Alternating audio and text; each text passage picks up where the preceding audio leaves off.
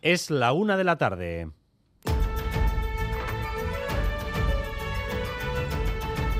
Crónica de Euskadi con Dani Álvarez.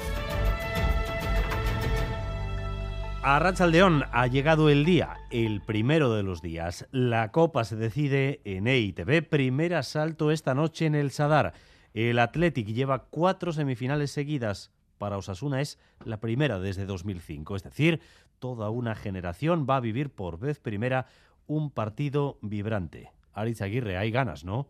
Ganas es poco, ambiente de que hemos nacido para vivir este partido como si lleváramos toda la vida esperando, ¿eh? Se está viviendo en la Plaza del Castillo, en el centro de Iruña, donde se están juntando ahora las hinchadas de Atleti y de Osasuna. Con el frío que hace, todo el mundo piensa que va a ser un derby caliente, que vamos a pasar calor en el Sadar y hay gente que incluso se abre el abrigo para enseñar la camiseta de Osasuna y la bufanda. En Iruña se vive como algo histórico, hay hambre de copa, solo se, se piensa en el partido de hoy, no en el de la vuelta y se espera que haya más hambre que en Bilbao. Lo espero con bastante ilusión.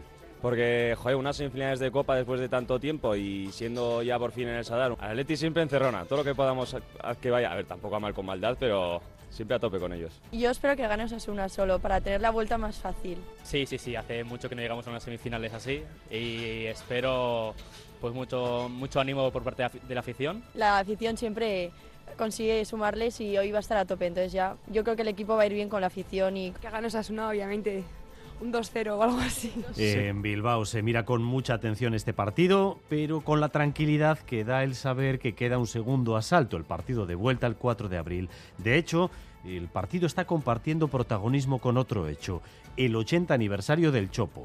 Hoy se ha anunciado que junto a San Mamés se le pondrá una estatua a Iri Barander López Lerena. Sí, cumpleaños de una leyenda del Athletic y en Bilbao y en Vizcaya no se les ocurre mejor regalo de fiesta de cumpleaños que ganar a Osasuna esta noche en el Sadar, ambiente que está caldeado en la capital vizcaína y cuentan ansiosos las horas para disputar la que será la cuarta semifinal en los últimos años. Sí, vamos a verlo las dos juntas. Claro, hoy se, hoy se queda en casa de uno, se celebra, hay que apoyar, tío. Ganar, Betty. Un 1-2, yo creo. Ajustado, pero bueno, luego para vuelta creo que ganamos también. Yo creo que ganamos. 0-3 gana el Athletic. Empate a 2. Victoria, yo creo que 1-2 se saca fácil en el El pero bueno. mito Iribar recibe cientos de muestras de afecto y hay pocas figuras en este país tan respetadas. Y voló de palo a palo y la desvió con la punta de los dedos. Kateak jarraitzea. Garrantzia handia eh, eman zaio gure zaletu jakintzu honeri eman dio zein dagoen ate ondoan. Hasiera sentitu nuen eta ala- alan izan da. Etorkizuna hortikan dator. Este es el ambiente general, el ambientazo en lo puramente deportivo, retransmisión, ya saben, por ETV1 y por Radio Euskadi a partir de las ocho y media. Álvaro Fernández Cadierno, ¿cuál es la última hora? Arrasaldón, todo que lleno Asuna, Dani solo con la baja ya conocida de Rubén Peña y alguna duda más en el Athletic, en donde no está Unai Simón, Herrera ni Morcillo. Sí, los tocados Nico Williams, Geray o Raúl García también vuelve después de dos meses Íñigo Martínez. Ernesto Valverde tendrá que hacer un descarte, se espera un como vemos, hasta la bandera, una olla presión, pero lo decíais, no podemos olvidar que habrá partido de vuelta y que 180 minutos o más seguro quedan para mucho.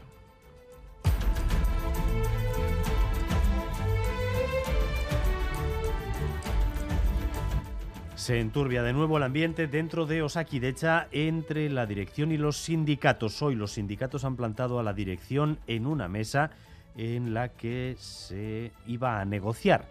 Los sindicatos dicen que Osakidecha permanece ciega y sorda. Plante después de la manifestación, las manifestaciones del sábado. Y desde hoy recuerden que se pueden solicitar las ayudas que otorga el gobierno por hijos menores de 3 años. 200 euros al mes. Solo hasta las 11 de la mañana ya se habían registrado más de 2.300 solicitudes. Nerea Melgosa, consejera. Nuestro objetivo es realizar los primeros pagos en el mes de abril, pero quiero mandar un mensaje de tranquilidad a la ciudadanía vasca. Todas las familias con derecho a cobro van a recibir su ayuda y en todos los casos tendrán carácter retroactivo. Y nuevo caso de suicidio en la cárcel, hoy ha sido en la de Martutene, un recluso de 57 años. Rodrigo Manero. Sí, los funcionarios de Martutene han encontrado al recluso en una celda del módulo de enfermería, donde había ingresado por una dolencia física. Tenía 57 años y estaba en prisión provisional. Se ha abierto una investigación, pero se apunta al suicidio. Lo mismo que el preso de 22 años que apareció muerto ayer en Zaballa. El Departamento de Justicia asegura que los protocolos antisuicidios se pueden mejorar, pero que no no hay falta de control en las cárceles vascas. Y los religiosos de Guecho están en pie de guerra en contra del plan urbanístico. Se quejan de que el nuevo plan urbanístico que está desarrollando el ayuntamiento les va a quitar terrenos que utilizan para labores sociales todo esto está abierto al pueblo, o sea que estamos haciendo una labor social grande al pueblo. Y yo creo que por muchos planes que el ayuntamiento ponga de, seguir adelante con ese plan, jamás igualaría a lo que estamos haciendo nosotros ahora. El padre Martín Aurrecoechea en declaraciones a Radio Euskadi, visiblemente enfadado, están incluso recogiendo firmas. Y en estos días en que el cine vasco está teniendo una gran relevancia, hoy los protagonistas son los cortometrajes.